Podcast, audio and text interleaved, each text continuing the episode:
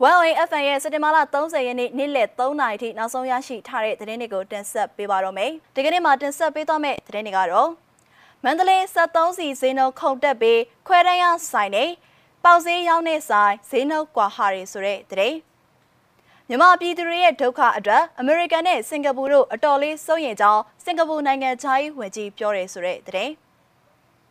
ကုန်းသာတိုက်ပွဲအတွင်းကြာဆုံးသွားတဲ့ဖဲကုန်း PDF ရဲဘော်၄ဦးကိုမြေမြုပ်တကြိုတယ်ဆိုတဲ့သတင်း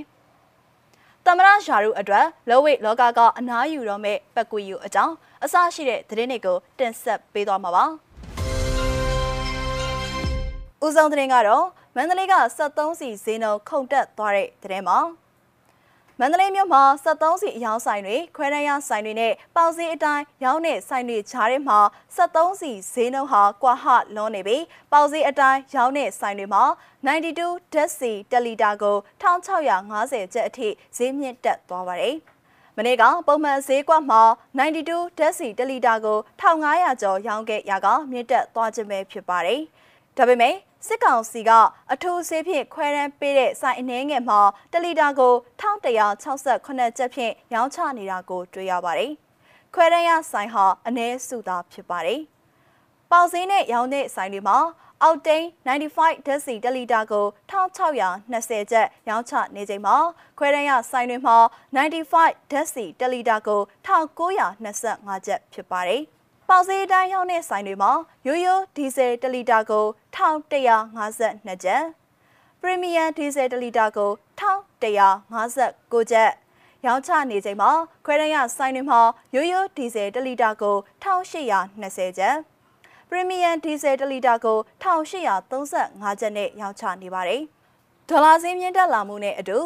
ပြည်တွင်း73စီဈေးနှုန်းလဲလိုက်တက်လာခြင်းဖြစ်ပြီးမန္တလေးမြို့မှာပြီးခဲ့တဲ့ရသတဲ့ဘက်က73စီ92တလီတာဈေးနှုန်း1300ဝန်းကျင်ရှိခဲ့ရာကနေတရရိပ်တက်လာခြင်းဖြစ်ပါတယ်။73စီရောင်းဆိုင်အချို့ကတော့အယောင်ရထားတာကိုလည်းတွေ့ရပါတယ်။ကိုပြောင်းဝယ်တဲ့အချိန်မှာကိုရောင်းတဲ့ဈေးထက်မြင့်နေလို့မရောင်းရတော့ဘူးပိတ်ထားလိုက်တယ်။ပြောင်းဝယ်တဲ့အခါမှာဒေါ်လာဈေးပေါ်မူတည်ပြီးဝယ်ရတာဆိုတော့ ကိုကဒီဈေးပဲရောင်းထားတော့ပြန်ဝယ်တဲ့အချိန်အရန်ကြီးဈေးမြင့်နေတာမခံနိုင်ဘူးလေရှိတဲ့လက်ကျန်စီတွေမရောင်းပဲရပ်ထားရတယ်လို့73စီအယောင်တဆိုင်မှမန်နေဂျာကပြောပါတယ်မန္တလေးမြို့ရဲ့လူသုံးများတဲ့92ဓာတ်စီဈေးမှာတပတ်အတွင်းကျပ်900ဝန်းကျင်ခုန်တက်သွားခြင်းပဲဖြစ်ပါတယ်ရှင်။နောက်ထပ်သတင်းကမြန်မာပြည်သူတွေရဲ့ဒုက္ခအတွက်အမေရိကန်နဲ့စင်ကာပူတို့အတော်လေးစိုးရိမ်ကြောင်းစင်ကာပူနိုင်ငံသားဝန်ကြီးပြောတဲ့သတင်းမှာ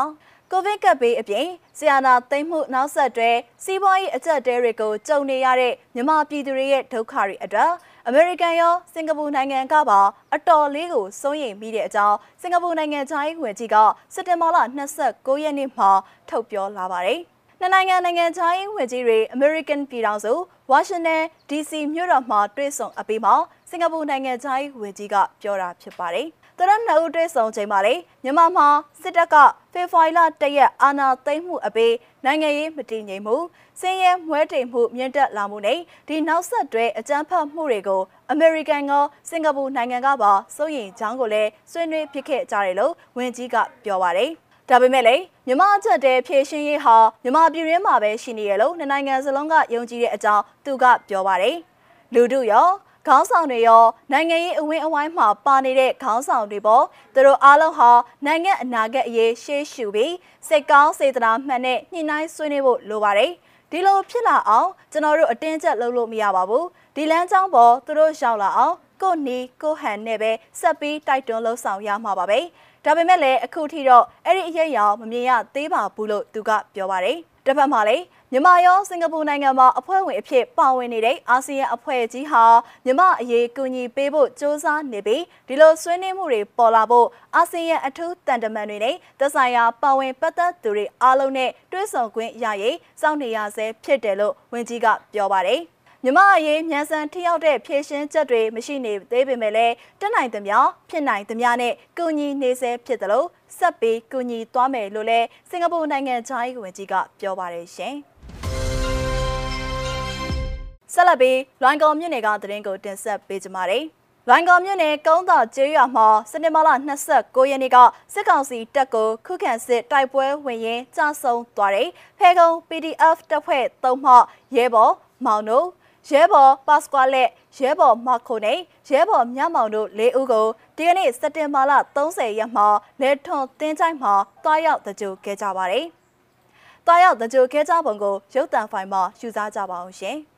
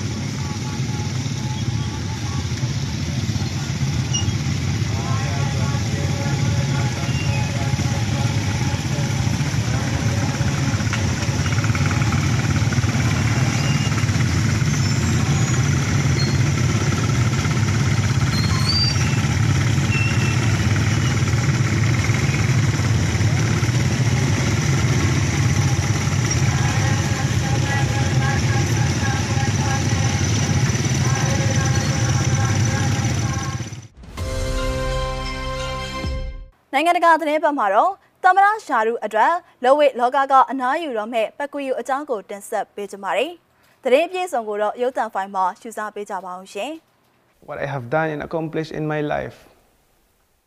ဖိလစ်ပိုင်လက်ဝိအကျော်အမော်တစ်ဖြစ်လဲ2022သမ္မတလောင်းမန်နီပက်ကွေယိုဟာ၎င်းရဲ့ဆယ်စုနှစ်နဲ့ချီတဲ့ကျိုးဝိုင်းအတွင်းကတောက်ပတဲ့ကစားသမားဘဝကနေ အနားယူတော့မယ်လို့စက်တင်ဘာလ29ရက်ဗိုလ်တူးနေ့ကပြောကြားလိုက်ပါတယ်။ဝေတန်ရှစ်ခုရဲ့ကမ္ဘာချန်ပီယံအထက်လွတ်တော်အမတ်ဟာတမဒဒူတာတေရဲ့နေရာကိုဆက်ခံနိုင်ရေးဆိုတဲ့လောင်းကြီးကြီးတဲ့ကစားပွဲအတွက်သူ့ကိုစင်ရဲတွင်းကနေလွတ်မြောက်စေခဲ့တဲ့လက်ဝဲအားကစားကနေအနားယူဖို့ဆိုတာဟာသူ့ဘဝအတွက်ခက်ခဲတဲ့ဆုံးဖြတ်ချက်တစ်ခုဖြစ်တယ်လို့ဆိုပါတယ်။ဘောက်ဆင်ကစားသမားဘဝကုံဆုံးသွားပြီဆိုတာကိုလက်ခံဖို့က ကျွန်တော်အတွက်တော်တော်ကိုခက်ခဲပါတယ်လို့အသက်42နှစ်အရွယ်ပက်ကွီယိုက၎င်းရဲ့ Twitter ကဗီဒီယိုဖိုင်တစ်ခုကနေပြောကြားခဲ့ပါတယ်။ဒီကနေ့ပဲအနားယူလိုက်တဲ့အကြောင်းကြေညာပါတယ်လို့သူကဆိုပါတယ်။အမြဲတမ်းအကောင်းဆုံးဘောက်ဆင်ကစားသမားတူအဖြစ် သတ်မှတ်ခံရတဲ့ပက်ကွီယိုဟာလက်စဘေးကမှာကျင်းပခဲ့တဲ့ကျူးဘာကစားသမားယော်ဒန်နဲ့ဥဂက်စ်နဲ့ထိုးသက်တဲ့သူ့ရဲ့နောက်ဆုံး professional ပြိုင်ပွဲကိုရှုံးနိမ့်ခဲ့ပြီးတဲ့နောက်သတင်းပတ်များအကြာမှာအခုလိုဆုံးဖြတ်ချက်ထွက်ပေါ်လာခဲ့တာလည်းဖြစ်ပါတယ်။2010ခုနှစ်ကကွန်ဂရက်အမတ်အဖြစ်နိုင်ငံရေးလောကထဲကိုဝင်ရောက်လာခဲ့ပြီးနောက်ပိုင်းမှာစီးနေလွတ်တော်အမတ်အဖြစ်ရွေးကောက်ခံရသူပက်ကွီယိုဟာနိုင်ငံရဲ့အမြင့်ဆုံးယာတုအတွက်အပြောင်းလဲတစ်ခုကိုလှုပ်ဆောင်မဲ့အကြောင်းပြီးခဲ့တဲ့သတင်းပတ်ကကြေညာခဲ့ပါတယ်။ သားသမီး9ယောက်ရဲ့ဖခင်အိမ်နောက်ဦးစီးတစ်ယောက်ဖြစ်တဲ့ဘက်ကွီယိုဟာကဘာတဝမ်းက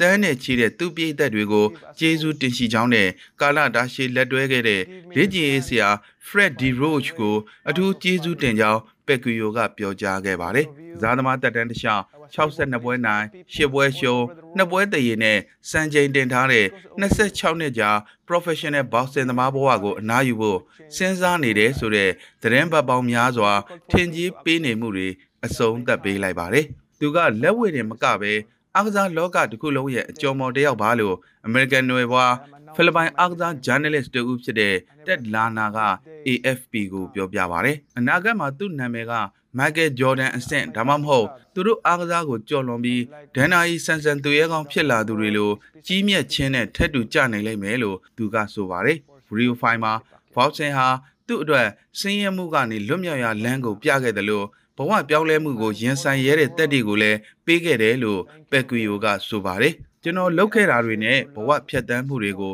ဘယ်တော့မှမေ့သွားမှာမဟုတ်ပါဘူး ဒါကိုပွဲသိမ်းခေါလောင်းတန်လို့မသက်မှတ်ပါဘူးလို့2016ခုနှစ်တုန်းကခေတ္တအနားယူခဲ့မှုတဲ့ပက်ကွီယိုကဆိုပါတယ်ဒီလိုနေမျိုးရောက်လာမယ်လို့တခါမှထင်မထားခဲ့ဘူးကျွန်တော်ရဲ့လက်အိတ်တွေကိုအခုလိုချိတ်ထားလိုက်ဖို့ဆုံးဖြတ်လိုက်ချိန်မှာမန်နီပက်ကွီယိုကိုအားပေးခဲ့တဲ့တကဘာလုံးကကျွန်တော်ရဲ့ပြည်သက်တွေနဲ့အထူးသဖြင့်ဖိလစ်ပိုင်လူမျိုးတွေကိုကျေးဇူးတင်ကြောင်းပြောချင်ပါတယ်နှုတ်ဆက်ပါတယ်ဖောက်စင်ရေးလို့ချန်ပီယံပက်ကွီယိုကဆိုပါတယ်